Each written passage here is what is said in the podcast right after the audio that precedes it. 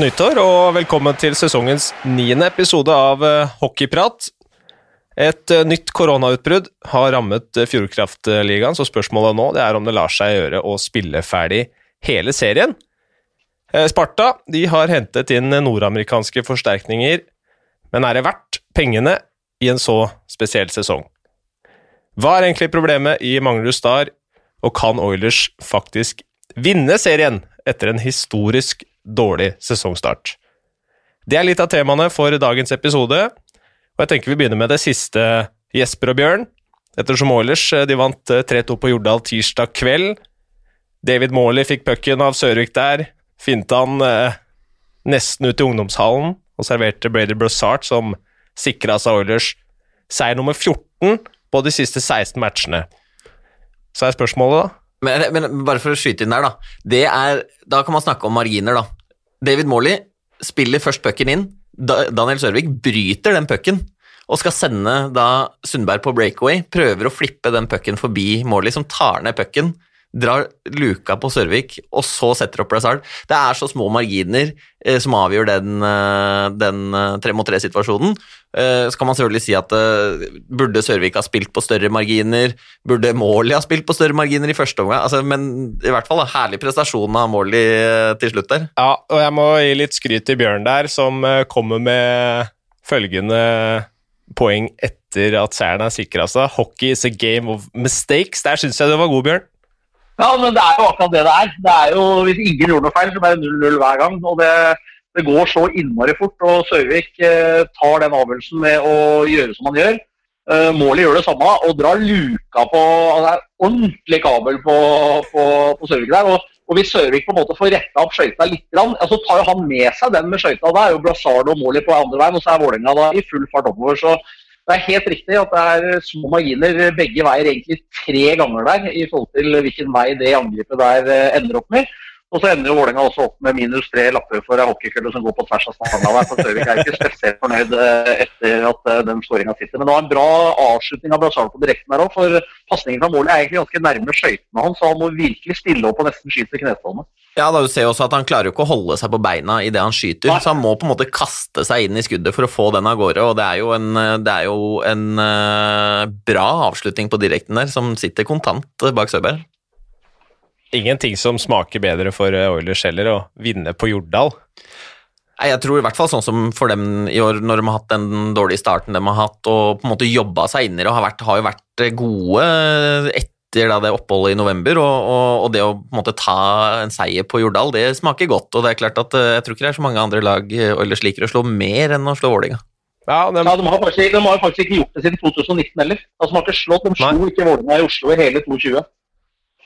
Det var jo en eh, Jeg husker dette fra Iskrigerne. Det var mye snakk om det første sesongen, hvor lenge siden det var Oilers hadde vunnet på Jordal. og Da, da klarte de etter hvert det, men den gjorde det godt. og de poengene i går da, det sørger for at altså, Oilers nå nå er de nærmere tabelltopp enn de er femteplassen. Det er sju poeng ned til Lillehammer på femte, fem poeng opp til Storhamar på toppen.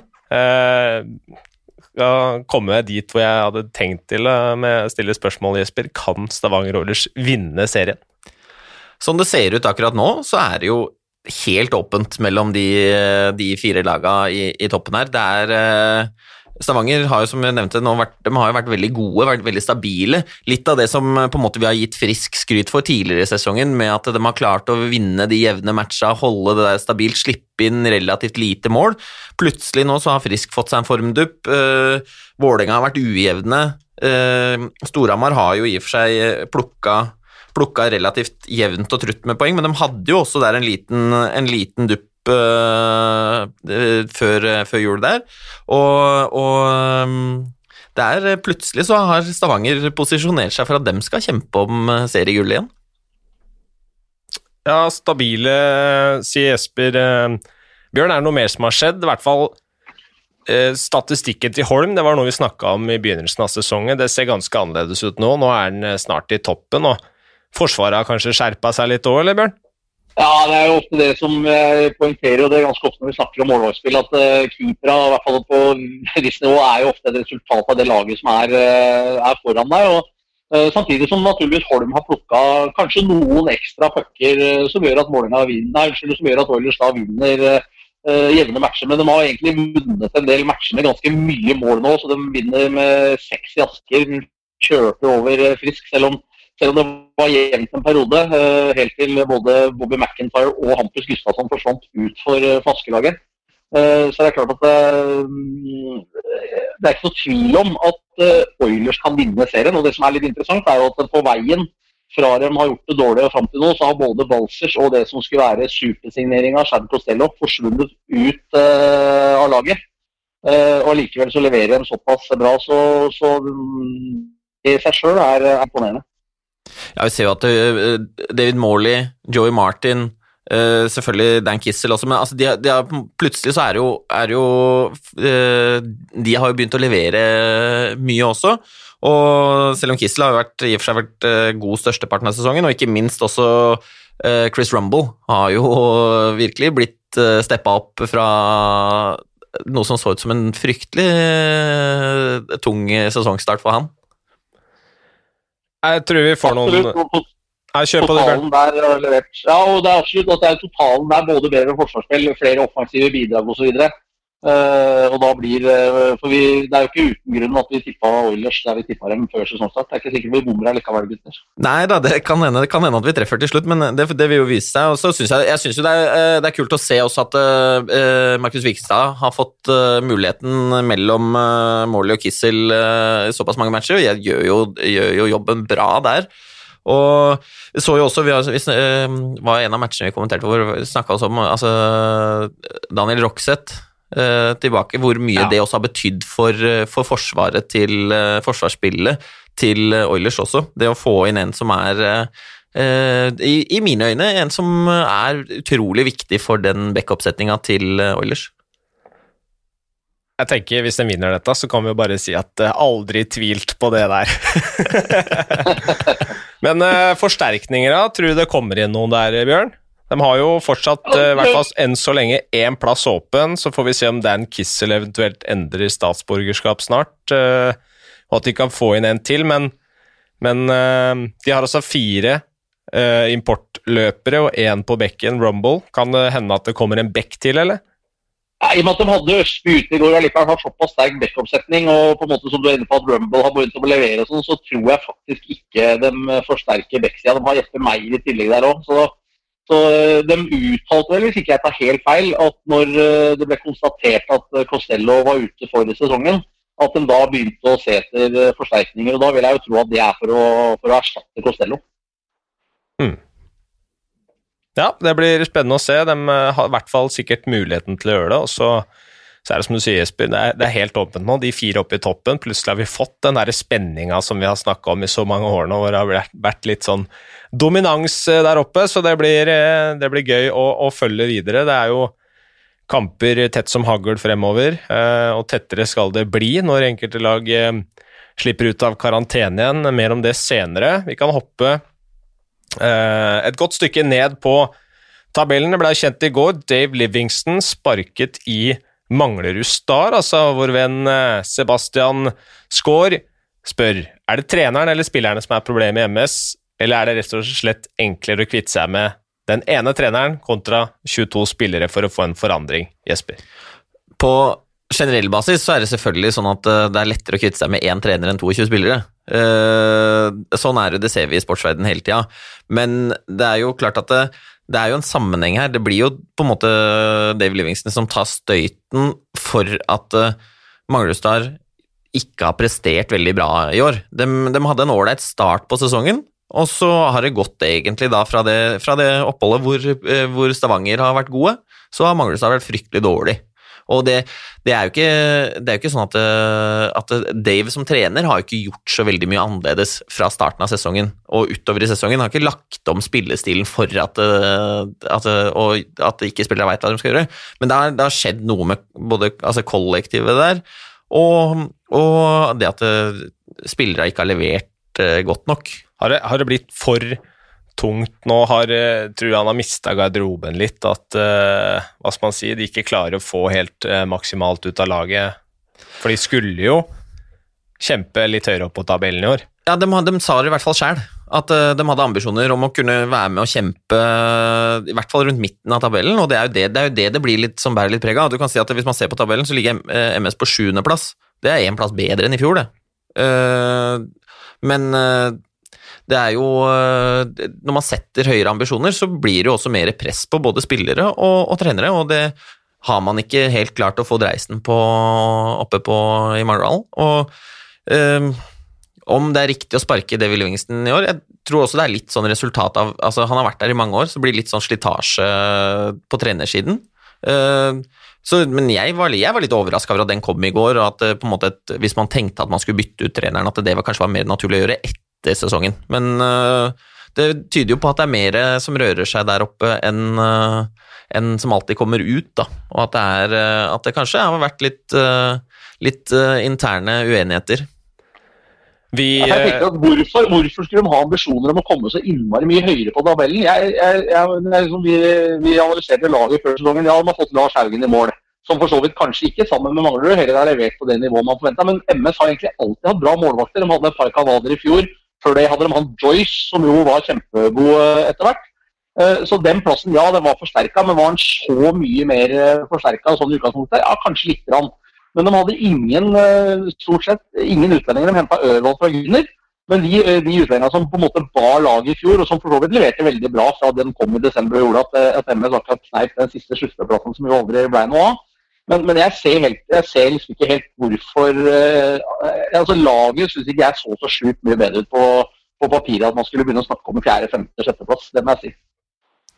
Nei, og det var vel... Det var litt overraskende at uh, Livingston fikk sparken, selv om resultatene har vært dårlige i det siste. naturligvis. Ja, for jeg tenker jo på en måte, hvis man ser Hvis, man, hvis, man ser, uh, hvis det hadde vært sånn at de hadde henta, i tillegg til Haugen, Steffen Thoresen, Mats Trygg, uh, og da henta inn ja, si fire importer fra, fra Nord-Amerika, og man fortsatt da ikke så noe bedring, så da hadde det vært helt annerledes. Det hadde vært helt annerledes. Det, det, det, det hadde det vært, men, men, det er klart at det, er jo litt sånn i en, del, i en del klubber rundt omkring, både i Norge, men også selvfølgelig andre steder, men så er det jo ofte en del Det er en del uh, hva skal jeg kalle det for, spill som foregår i, i, kulissene også. Det er jo alltid en kamp om hvem som skal bestemme de ulike tingene.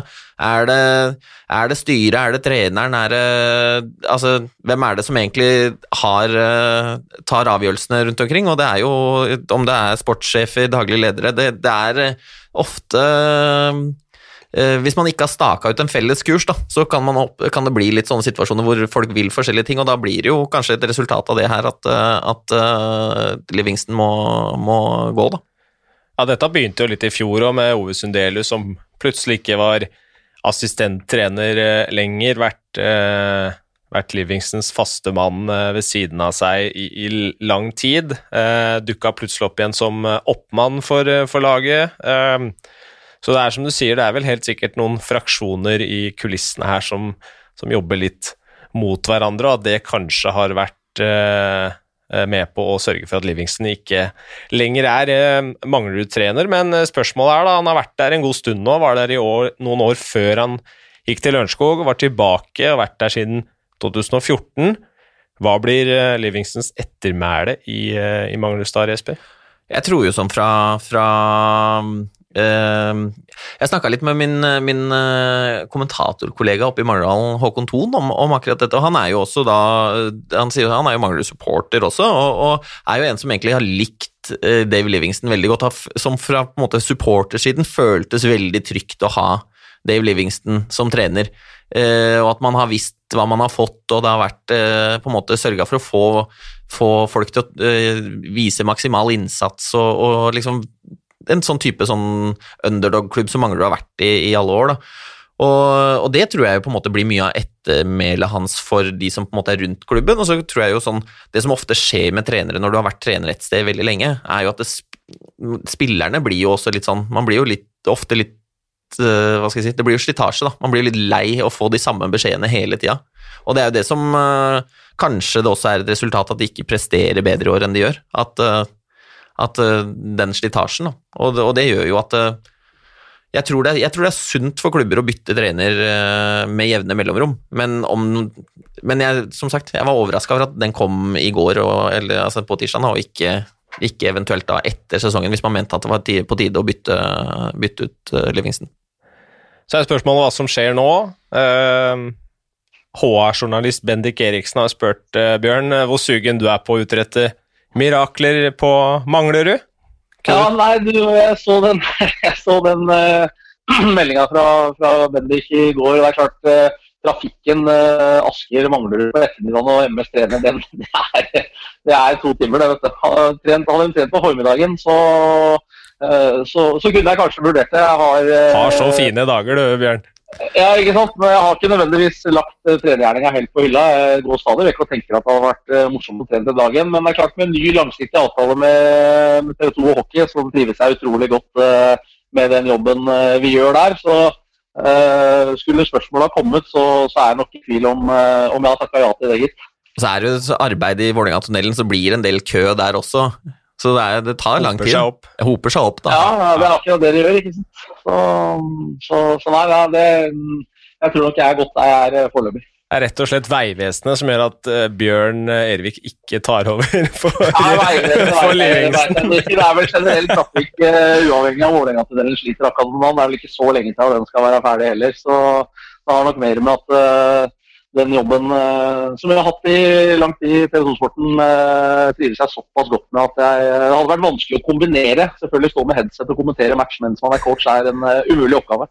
Det kunne blitt en bra sånn seeropplevelse, da. Det hadde vært bra for produktet. Vært enklere å få mikk på treneren under match og sånn. Nettopp. nettopp. Ja, så jeg syns ikke du skal legge det helt fra deg. Så er spørsmålet Vi har sett Mange har jo liksom nevnt at at de, de, gjerne vil se noe helt nytt i da Litt mer ungt blod, noen uh, andre typer trenere. Uh, så er spørsmålet, Jesper, om du og Cato Kokossa hadde vært uh, kandidater, da? Jeg tror det hadde blitt en bra duo der.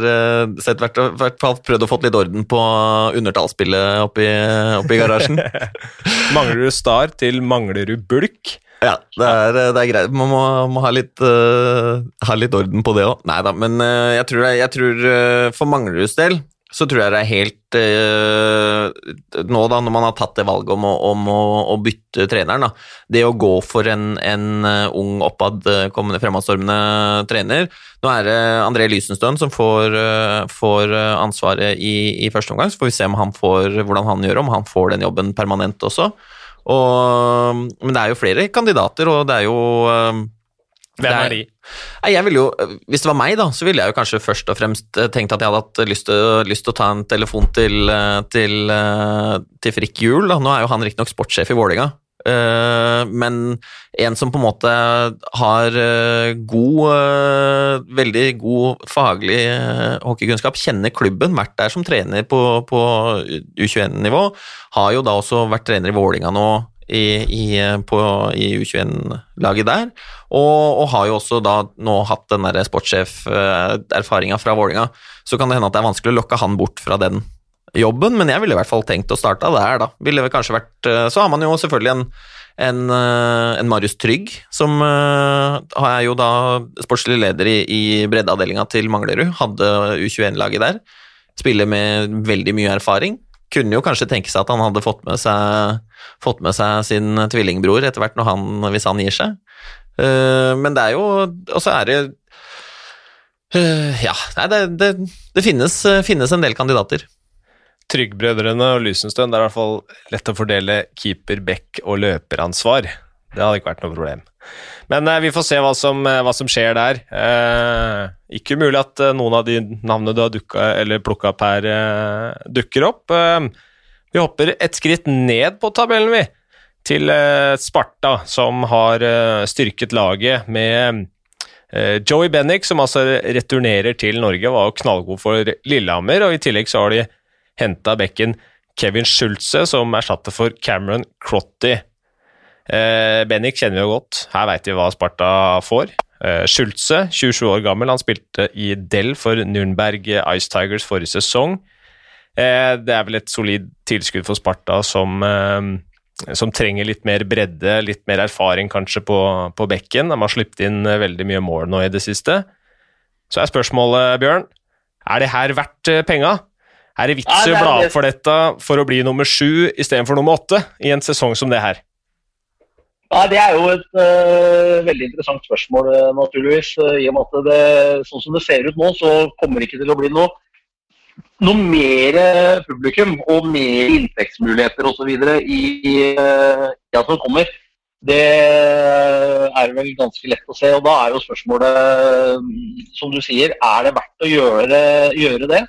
Um, svaret er vel kanskje nei, men i dette tilfellet her så er det vel er det Spartatæl eller hva det heter, sånn utafor der som har på en måte gjort det. og De dukker vel opp. Men kunne man selvfølgelig ha spart penger til neste år, og så kunne man heller gjort det da. Men Eh, samtidig så er jo Sparta i situasjonen hvis de blir nå tvunget til å spille kampene med lite folk osv. At de rett og slett kanskje har for tynn stall og det blir rovdrift på, på spillere. De har mista Salonen, i hvert fall sånn som det ser ut, eh, tilbake igjen. Så, ja, Sånn sett er det jo for så vidt perfekt timing for ja, det, at de trenger å få en litt mer bredde. Ja. Nettopp. Så, og Uh, Schulze er jo for så vidt en, en spennende spiller. Jeg har faktisk sett han spille en del, for han spilte i, i Leksand for to sesonger siden. og Da så jeg vel samtlige kamper uh, for Leksand den sesongen, mer eller mindre. Uh, var jo veldig god i Vestervik i Allsvenskan og ble henta underveis. Men lykkes ikke helt i Leksand, men har jo ikke levert så halvgærent i, i, i Nürnberg. Men har gode tall fra, fra, fra ECHL, som er ofte der hvor norske klubber henter når de kommer rett fra Amerika. Så han er en ganske solid uh, toveisspiller uh, og en, en, veldig fin type, um, som Sparta helt sikkert får nytte av. Bendik, som du sier, er jo faktisk en av mine favorittspillere. Jeg syns han var skikkelig skikkelig morsom å se på når han var på, på Lillehammer. Så det er jo kjempegøy for ligaen at han er tilbake igjen. Et gledelig gjensyn, med andre ord? Absolutt. absolutt. Han gleder jeg meg til å se. Ja, Han er jo en, altså han, er jo en, en, han har jo skåra mye mål overalt hvor han har spilt, egentlig, Bennik, og er jo Uh, kan gi egentlig Sparta det de har trengt. Da. De har jo egentlig spilt veldig mange bra matcher uh, spillemessig. Uh, fått veldig dårlig uttelling og har jo slitt med å skåre, så det kan hende at der er Bennik en, en, akkurat den spillertypen de trenger.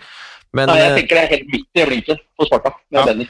Men, men, jeg henger meg jo litt på den du sier der, Bjørn, at jeg ville også egentlig kanskje helt mot nei på om det er, er det verdt det i år. Eh, vi vet ikke. Plutselig må vi plutselig, liksom Hvis dette her sprer seg nå med mer smitte, plutselig må man eh, gå til det steget man gjorde i fjor, da, og avlyse et eventuelt sluttspill, den type ting, så er det eh, så vil man jo egentlig sitte igjen med et, sitte igjen med et nei, da, men det er, det er jeg, vet, jeg, kjenner ikke til hvordan det har vært med de penga, om det er noe som har på en måte vært det skal brukes nå, eller hvordan det er. Ja, for det er vel ingen som frykter at Sparta er en nedrykkskandidat? Nei, det kan jeg ikke se for meg. Det, Nei, det kan ikke jeg se for meg heller. Og en 7.-8.-plass det gjør jo heller ingen økonomiske utslag. Det er ikke noen premiepenger eh, som deles ut der. Nei, det er jo ikke det, og, og, på en måte, ok, om du litt sånn Ja, hvis man ser på de, de, de eh, øverste lagene nå, da, så er det jo ikke på en måte om du møter det ene eller andre, så selvfølgelig så står Sparta litt forskjellig til de lagene, men, men eh, det er jo det er ikke sånn kvalitetsmessig sånn ligaen har utvikla seg i år, så er det ikke så stor forskjell på om du møter, uh, møter Vålinga Frisk, Storhamar eller Oilers. Det er akkurat det. Um, det her tar oss med egentlig inn på et spørsmål som vi har fått fra Ole Bronken, som sier at uh, han føler serien det handler uh, mer om hjemmebanefordel enn det å faktisk vinne seriemesterskapet. og han han eh, utfordrer egentlig hvor stort det er å faktisk vinne serien, og hva kan gjøres for å eventuelt øke prestisjen i dette. Har du noe bra svar på det, Jesper? Nei, altså Det er ikke noe, er ikke noe tvil om at, eh, at NM-gullet henger høyest, og sånn har det jo vært eh, fra gammelt av. Og, og, og, på en måte, altså, serien er jo et form for et uh, altså, er jo, er jo, en form for et gruppespill fram til sluttspillet. Men, men, samtidig så syns jeg status på seriegullet de siste, har økt betraktelig de siste ti åra. Uh, og det har jo på en måte Det viser jo noe om at du har prestert noe over en lang periode. Og det å ta har jo også vært dette med, med litt med uh, deltakelse i COL, den type ting. At det er noe, det er noe i potten da, for å vinne serien, tror jeg er viktig. eh, for å på en måte heve den statusen. Og Det, er jo, det skal jo være stort å bli seriemester òg. Ja, absolutt. Det er jo eh, det er ikke akkurat veldig mange lag. Det er ikke sånn at det går på rundgang i alle klubber, dette seriemesterskapet. Oilers, Vålerenga, Storhamar har vunnet. Sparta også i 2011, men det begynner å bli en god stund siden. Han foreslår kunne CHL-plassen f.eks. gått i vinneren av seriemesterskapet? Er det noe med på å gjøre det uh, mer prestisje? Eventuelt er det må, må norsk topphockey jobbe for at uh, de kan dele ut premiepenger til uh, klubbene, fordelt på tabellplassering, så det ikke handler om hjemmebanefordel i kvartfinalen osv.? Jeg tror at det, det med seriemesterskapet, det var det jo. Og det er jo kanskje derfor det ble en, en, en oppsving på statusen på seriemesterskapet. Når vi hadde to, altså når Norge hadde to COL-plasser, så var det jo én seriemester og én norgesmester som fikk de to plassene. Og da, da var det jo naturligvis viktig å bli eh, seriemester, sånn at du fikk den ene mm. CHL-plassen og fikk prøver i Europa som også kunne være lokkemiddel for å kanskje hente spillere, forsterkninger osv.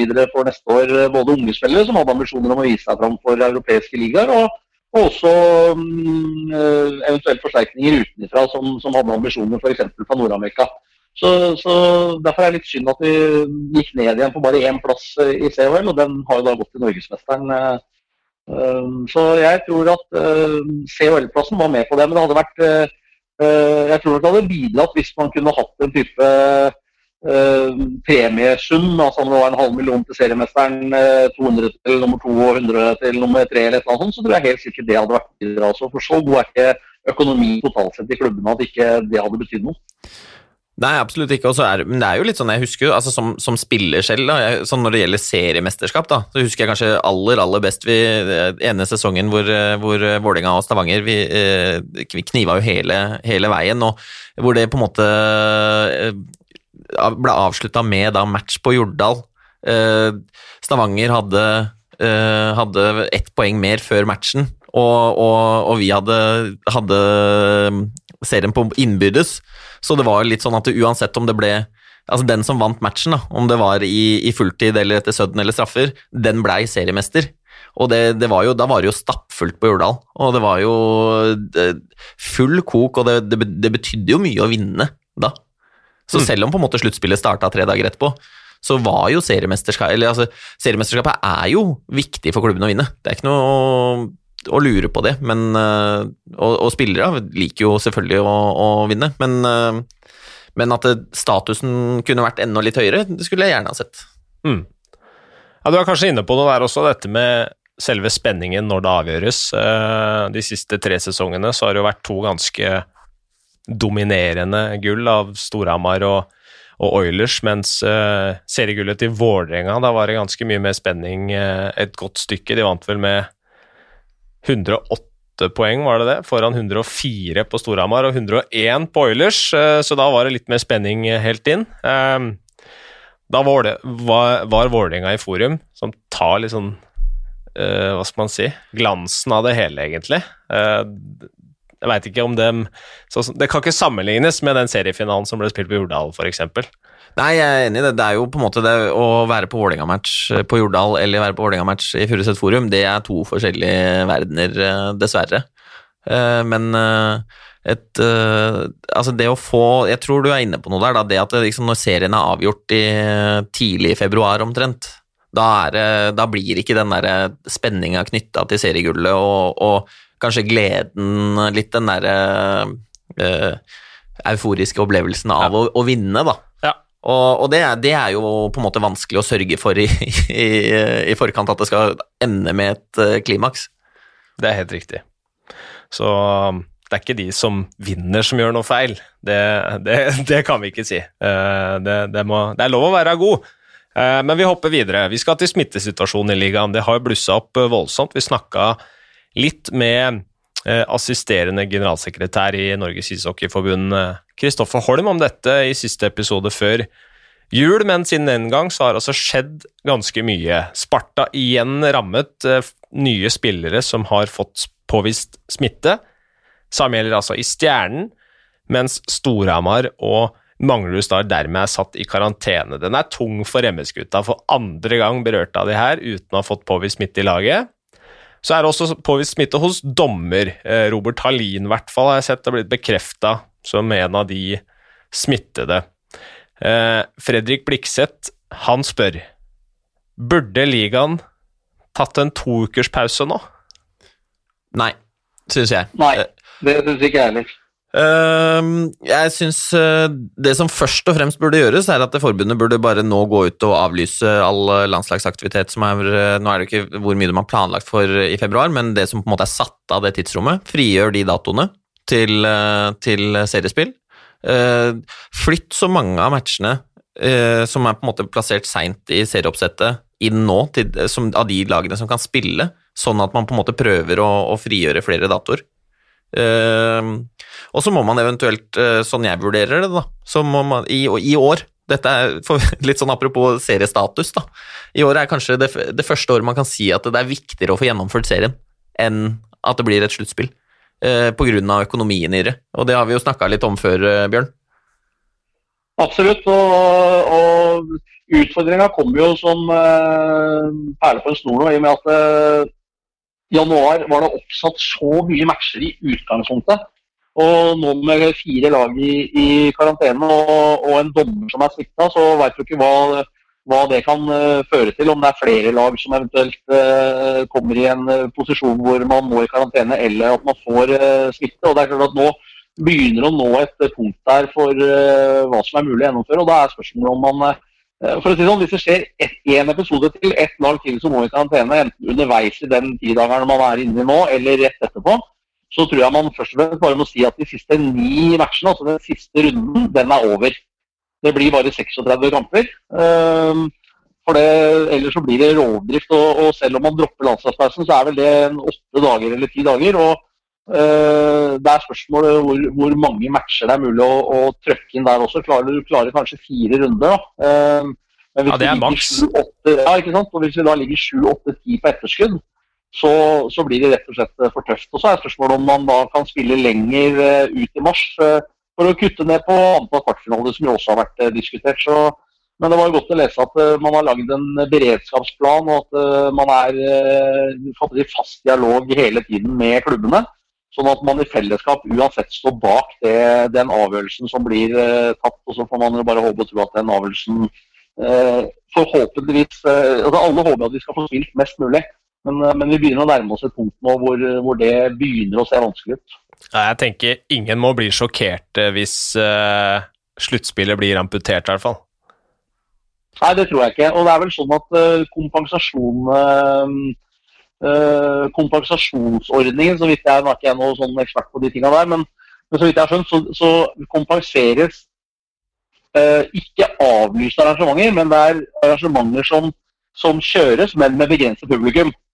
Uh, og det er klart at uh, Da er det jo egentlig viktig Det er jo der den økonomiske biten ligger i serien i forhold til sluttspillet. for I sluttspillet så vil du kanskje ikke ha mer enn én eller to kamper, eller i hvert fall mer enn to kamper da, på hjemmebane, i verste fall, som du arrangerer, men med lite publikum. Mm. Mens i en seriesammenheng så mister du kanskje fire, fem, eh, seks kamper. Så det er jo der den økonomiske forskjellen ligger også, hvis jeg har forstått dette riktig. Ja, altså, men var det ikke sånn også at avlyste arrangementer får inntil 50 av dekka, og så er det 70% på de ja, gjennomførte. Okay, ja, ja, men da har du en økonomisk forskjell. Ja, jo, det, jo, det, det, det, det, er ganske stor økonomisk forskjell for klubba, ja, og i en økonomisk så er jeg helt enig med deg, i en økonomisk krevende tid så er det faktisk Det er viktigere klubbmessig å få gjennomført 45 serierunder eh, enn å spille 36 matcher, og så, får du kanskje, og så skal du spille et, uh, et sluttspill da, som i utgangspunktet best er sju, men kanskje blir avkorta der også, da.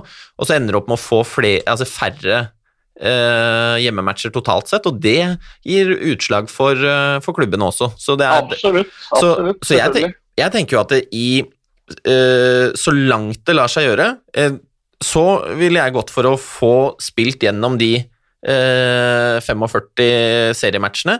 Og så får man heller da, får heller være best av tre da, i, i, i kvartfinalen.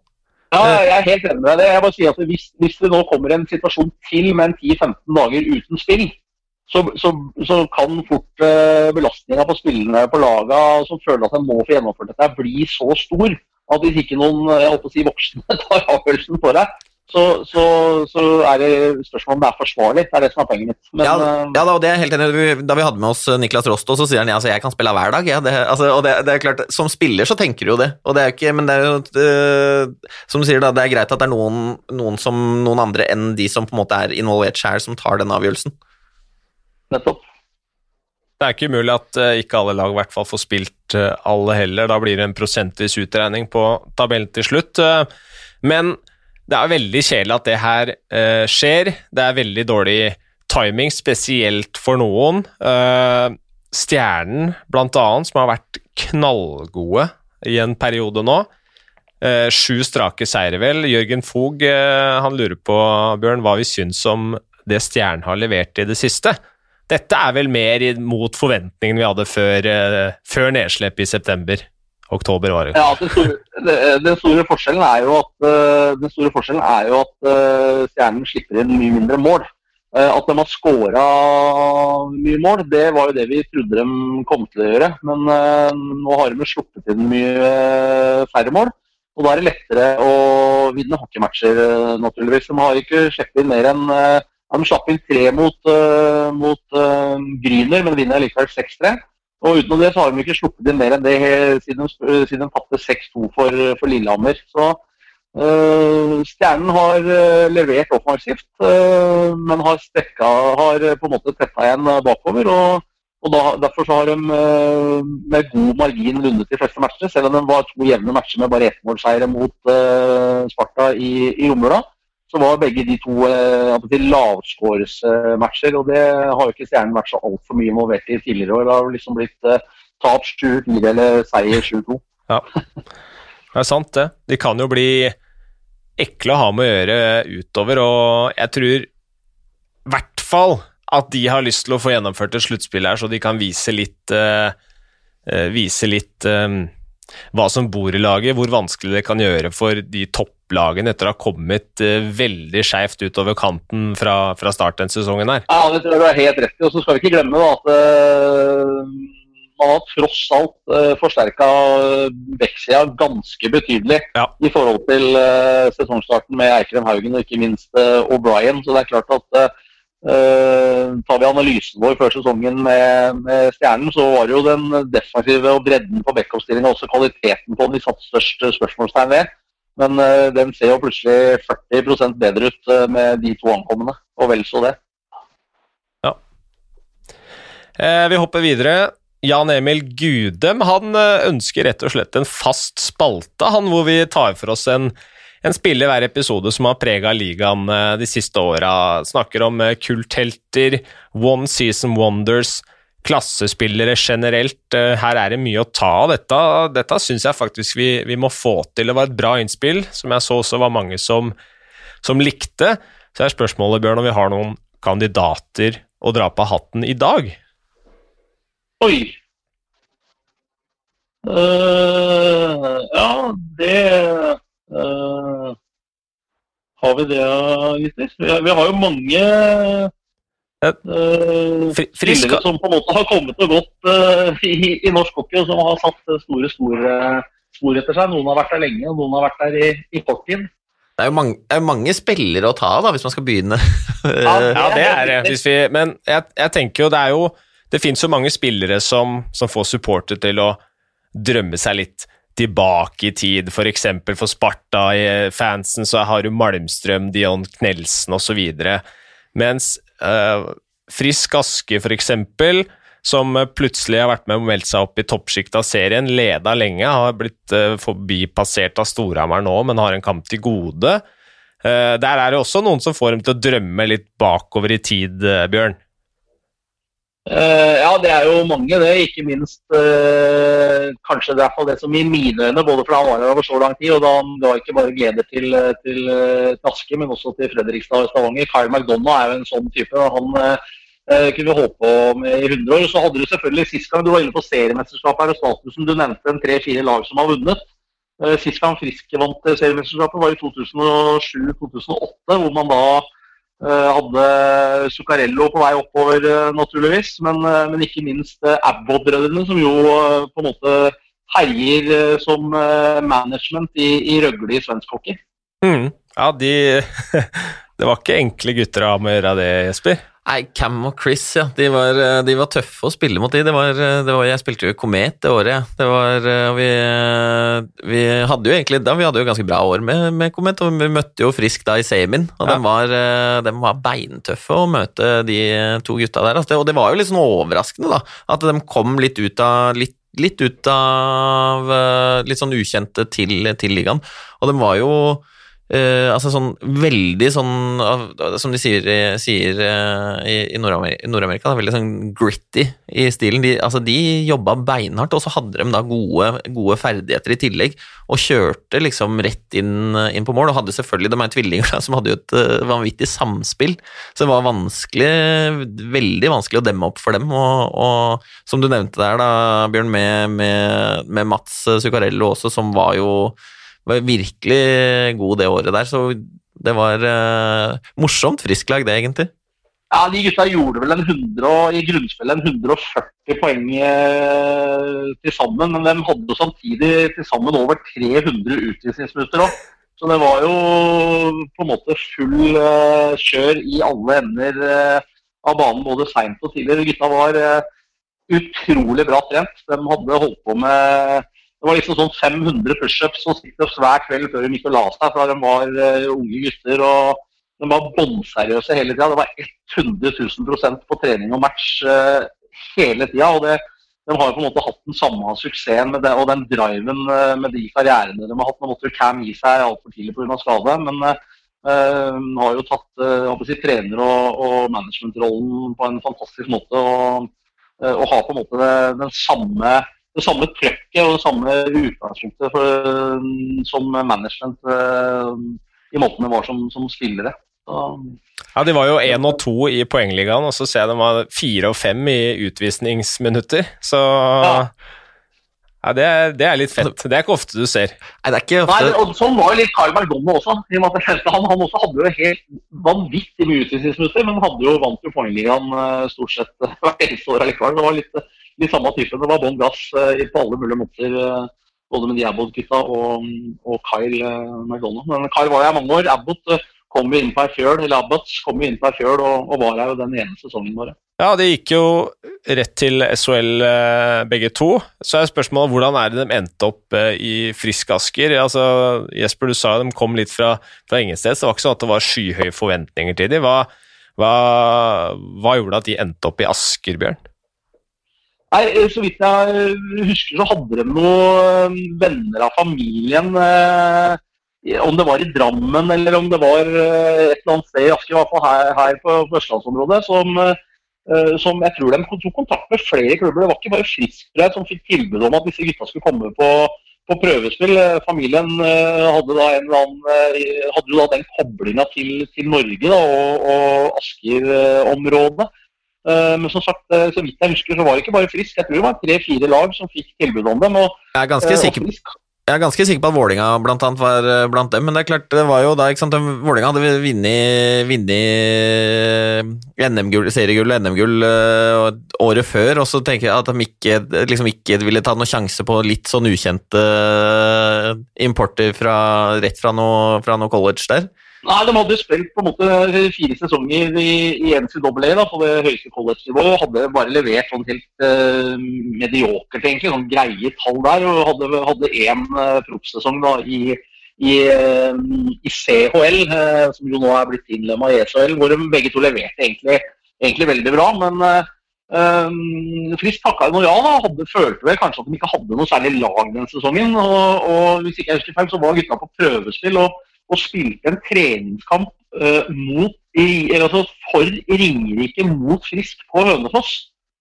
Um, og, og, hadde kanskje trent Eller jeg lurer på om det kanskje var første gangen, eller om de hadde vært med på ei trening eller, eller noe der omkring. Og, og, og, og da var liksom diskusjoner i, blant gutta liksom, i, i, bilen fra Ringerike og ned. Liksom bare, hva, hva, gjør vi liksom, med de gutta her? Så, og da var det nei, vi, vi vi, vi, må bare ta dem. Vi har, dem, de var ålreite, de jobber hardt og de kan helt sikkert bli OK. Vi trenger den bredden osv.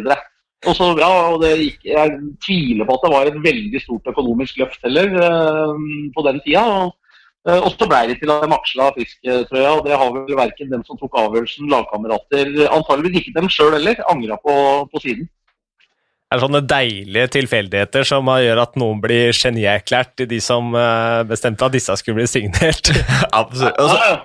Og så det, som, men det som er litt kult med det, er jo at det på en måte det, det viser seg at det, det der når du henter spillere fra, fra Nord-Amerika, så veit du aldri helt hvordan det skal slå til. da.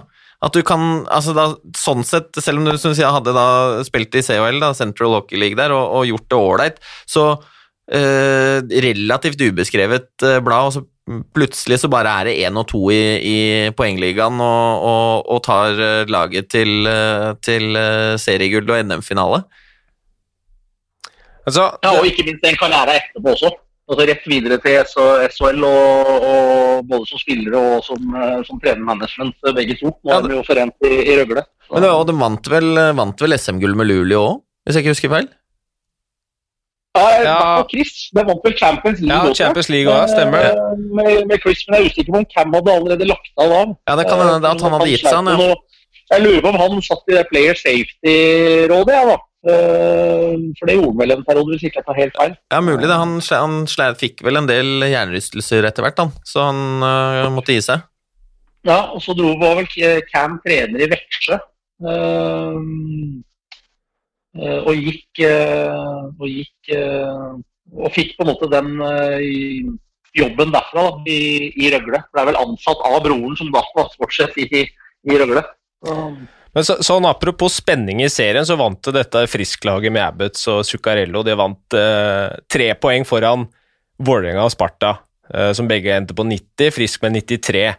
Men så tapte de i finalen mot eh, Storhamar, som endte på fjerdeplass, et godt stykke bak. Hva, hvordan var den serien, eh, Bjørn? Du vet hva, der uh, vår nye kollega, uh, han burde vi egentlig tatt med da, for det var jo, for å være helt ærlig, han som sørga for det. Jeg tror Frisk vant uh, Skyldstatikken 7418-3 i nesten alle de kampene, men Ruben sto på huet og tok det gullet for, for Storhamar. Ruben var helt outstanding for Storhamar i, i, i det sluttspillet. Så var det jo, det var jo, hvis jeg ikke husker feil, så var vel dette inne i den perioden da Storhamar vant hvert skuddår òg. Det var, øh, var øh, Vant vel da i, i, i 08, så vant de vel i 04. Og, Ja, det var, øh, og i 2000, hvis jeg ikke husker helt, helt feil, så var det sånn det, var bare, det var meant to be. Ja. Jeg skal la deg få den, men da, det var med andre ord eh, et sånt ordentlig payback fra Dalberg, da, med tanke på at Ruben stjal det gullet i 08, og så var det Dalberg som var med på å stjele det noen år seinere, Bjørn. Ja, men Dalberg sto ikke i mål for Frisk i 08. Nei, nei, det veit jeg, da, men sånn for klubben sin del Ja, ja, det er riktig. Det er riktig. Uh, Keeper har mye å si i playoff og i, i hockey, det, det vet vi. Og Ruben var uh, fantastisk i, i den i finaleserien. Ja. Jeg syns dette var et bra innspill fra Jan Emil eh, Gudem. At uh, vi, vi, vi har funnet oss en fast spalt der, har vi ikke det, Espen? Det er moro, moro å dra fram litt, litt gamle helter og, og, og litt historier rundt dem, men vi se om vi klarer å være litt bedre Forberede oss litt til neste gang, da. Ja, vi får, vi får se på det, men uh, vi får takke for innspillet. Eh, Sigurd han er imponert over nivået i U20-VM. Eh, nå har jo USA vunnet, slått Canada, eh, erkerivalen. Eh, men spørsmålet fra Sigurd det lyder som følger. Hvor gode er egentlig topplagene sammenlignet med seniorhockey? Han lurer på hvordan ville f.eks. USA og Canada gjort det i Fjordkraftligaen, eh, Bjørn? Hadde det vært dominans, eller hadde det vært eh, spennende? Ja, det spørsmålet får jeg, får jeg ganske ofte. Nesten hver gang det er junior-VM, så, så får jeg spørsmål om, om det der. det, det er selvfølgelig veldig vanskelig å vite, men jeg tror eh, faktisk at eh, USA og Canada hadde dominert uh, Fjordkraftligaen. eh. det, det er en hockey, altså det går så utrolig fort. Eh, de har så ferdigheter. Uh, og, og, mange, altså Begge lagene har jo på en måte førsterunde draft picks, uh, all mann, i, i, i lagene sine. Uh, og mange av dem kommer til å bli superstjerner i NHL, selv om de er 18-19 år gamle. Så, men det er, det er, selvfølgelig veldig vanskelig å svare på. Det, vi får jo antageligvis aldri, aldri, aldri, vite det. Men, eller vi får aldri vite det, men, men, men de er så gode, og det går så fort, og de er så fysisk rusta at det er jo voksne gutter, selv om, eh, selv om de yngste ikke er mer enn en, eh, ja, 17-18 år. Det er kanskje ikke så mange ofte at det er sånne, så mange unge, men, men, men de, de, er så gode at jeg, jeg, tror de hadde gjort det meget, meget bra i, som lag i, i, i. Altså, altså det, det, er, klart, det er som du sier, det, altså det er sånn som Canada nå, de hadde vel var 19 førsterundevalg eh, i, i, laget sitt, så det er, ikke, det er ikke noe tvil om at det er at det er eh, fantastisk gode spillere som spiller det U20-VM-et som akkurat er eh, ferdigspilt. Men, men, det er jo også litt det der at det er jo forskjell på juniorhockey og seniorhockey. og vi ser jo litt sånn der når man sammenligner altså når, når noen av de norske lagene som har vært ute og spilt i Europa, da, og sett liksom både Stavanger og Storhamar og sånn, liksom, tar seg videre i, i COL. og eh, Jeg tror noen ganger man tenker at, eh, at forskjellen over til de som spiller i, i, i AHL og, og, også NHL, for, for det, altså er, at man tenker at forskjellen er større enn den faktisk er. da, og kanskje, men eh, sånn at, For det er jo ikke sånn at, det er ikke sånn at uh, topplagene i Norge er så, er så fryktelig dårlige. Eh, men, men, det er klart at eh, liksom, hvis man tar da de to lagene som spilte finale i U20-VM, så er det to fantastisk gode lag, da. Ja, det er det jeg mener. Altså, det, det, det, er jo helt umulig å vite, selvfølgelig. Men, men av de som du ender på 19 førsterundevalg, 15 av dem blir antageligvis superstjerner i NHL. Og så er spørsmålet om de på en måte kunne bikka seg i seniorhockey her hjemme uh, over tid. og, og og jeg tror det, men det er selvfølgelig helt umulig å si om de hadde blitt nummer én og vunnet serien med ti poeng, eller om de hadde blitt nummer tre eller et eller annet. Men det, det, poenget mitt er at jeg tror de, de hadde bitt utrolig godt fra seg. Uh, I mange ligaer i Europa, ikke bare i, den, ikke bare i den norske. Det er poenget mitt. Ja, det får bli svaret til Sigurd. Vi har et til fra Patrick Rustad, som lurer på hvilken rivalisering som er størst i norsk ishockey per dags dato, og det er jo en del rivaliseringer å ta av. Uh, en del av dem som hadde vært uh, ganske mye mer uh, temperatur rundt for en god stund tilbake, Jesper. Har du noe forslag? Hvem som er det største? Er det Stjernen Sparta, Vålerenga Storhamar, Oilers Storhamar eller Oilers Vålerenga?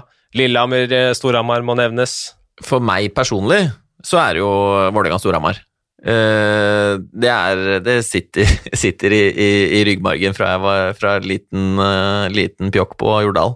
Men, uh, men, det er klart også, men sånn føler jo sikkert de som bor i Sarpsborg eller Fredrikstad at Sparta Stjernen er, eller at, at det er en del på, på Lillehammer som føler at Storhamar-Lillehammer er det største, største oppgjøret.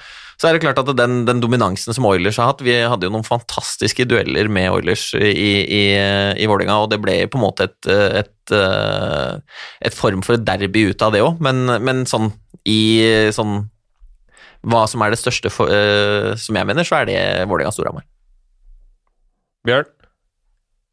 Ja, jeg tror uh, Stjernen Sparta og Vålerenga-Storhamar også er jo de to Eh, som har lengst tradisjoner, da, eh, for å si det sånn. Jeg tror på en måte ikke Vålerenga og Stavanger har på en måte etablert seg som en sånn type oppgjør riktig ennå. Og, og så har jo på en måte jeg tror i hvert Frisk føler at Vålerenga på en måte er det der hatoppgjøret nummer én, og, og, at det blir på en måte lært opp fra gutta er 10-11 år gamle. At når vi skal inn og spille mot Vålerenga, det er årets viktigste seier. på en måte. Så men, eh, men Storhamar, Vålerenga og, og Sparta Stjernen henger nok som de to, eh, de to største ser jeg. Det har jo også vært kanskje mest trøkk rundt rent sånn publikumsmessig rundt de oppgjørene. Og så hadde man jo Vålerenga-Lørenskog en periode også, når Lørenskog var oppe og, og, og stussa. Men jeg tror ikke, jeg ikke Vålerenga ser på det Eh, som det største. Det er nok, eh, det er nok Vålerenga, Storhamar og Stjernen Sparta. Ja. ja, nei, Vålerenga Lørenskog var vel Da ble det liksom mest sånn, sånn, uh, sånn ondt blod fra at Lørenskog henta fem-seks mann der fra Vålerenga samme året. Så... Ja, det var litt trøkk utafor banen, og supporterne drev og herja litt. og sånt, og Det er sånn som gjør det litt ekstra, gir litt ekstra spiss. Ja, det var jo eh, et eksempel på, på det samme, Bjørn, som du sa med Frisk. altså Batchene mot Vålerenga var jo det aller, aller viktigste for, for Lørenskog. Og Vålerenga er jo den klubben for ganske mange motstandere. Noe som sier mye om den eh, posisjonen som Vålerenga har i norsk ishockey. Eh, etter å ha vunnet eh, ganske mange skap med, med bøtter. Um, men det er jo noen rivaliseringer fra gammelt av som er liksom borte også, Bjørn. Uh, klubber som Furuset, Hasleløren uh, snakkes om Oslo-derby når Manglerudstad og, Oslo, nei, og, og Vålerenga møtes nå, men jeg føler ikke at det, det, blir det samme. Men det har vel vært en del mer trøkk rundt andre oppgjør litt tilbake i tid også? Ja, Vålerenga-Furuset var jo på en måte større kanskje på, på 70-80-tallet eh, enn det Storhamar-Vålerenga kanskje er, er, nå. Det var liksom en annen tid.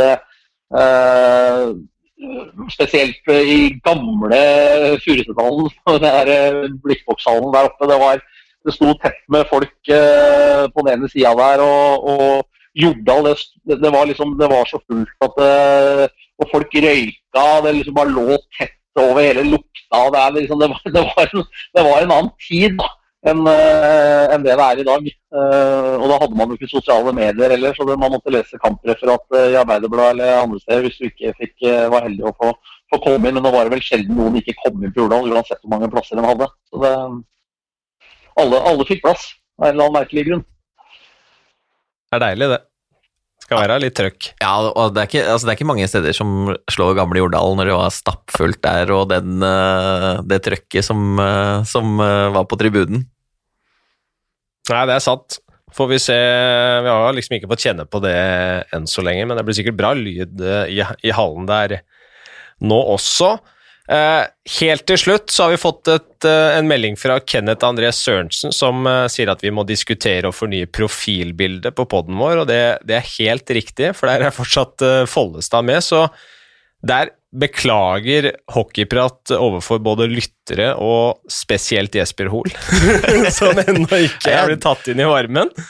Sånn er det når man er, er, rookie. Det skal ta litt tid å komme inn i, inn i varmen, Jonas. Ja, men der må vi der må vi opp i ringa. Eh, enkelt og greit. Så takk for det, den påminnelsen og det sparket, Kenneth André. Det var meget eh, fortjent. Eh, vi skal runde av der. Helt til slutt skal vi bare få delt ut et Zoom-abonnement her, og jeg syns vi må gi det til Jan Emil Gudem, som har introdusert en ny fast spalte i denne podkasten. gratulerer med et gavekort på tre måneder Sumo Total. Hvis du som ikke har vunnet, har lyst på det, så er det bare å sende inn spørsmål til neste episode. Bruk hashtag tohockey eller skriv rett til tohockeyprat på Twitter, så skal vi passe på å få deg med. Det er ikke alltid vi har tid til alt, men eh, vi har dekket over en god del i dag. Så takker vi for følget og minner om at vi er tilbake om et par uker. Fram til da så er det bare å kose seg med hockey på TV2 Sumo. Takk for følget.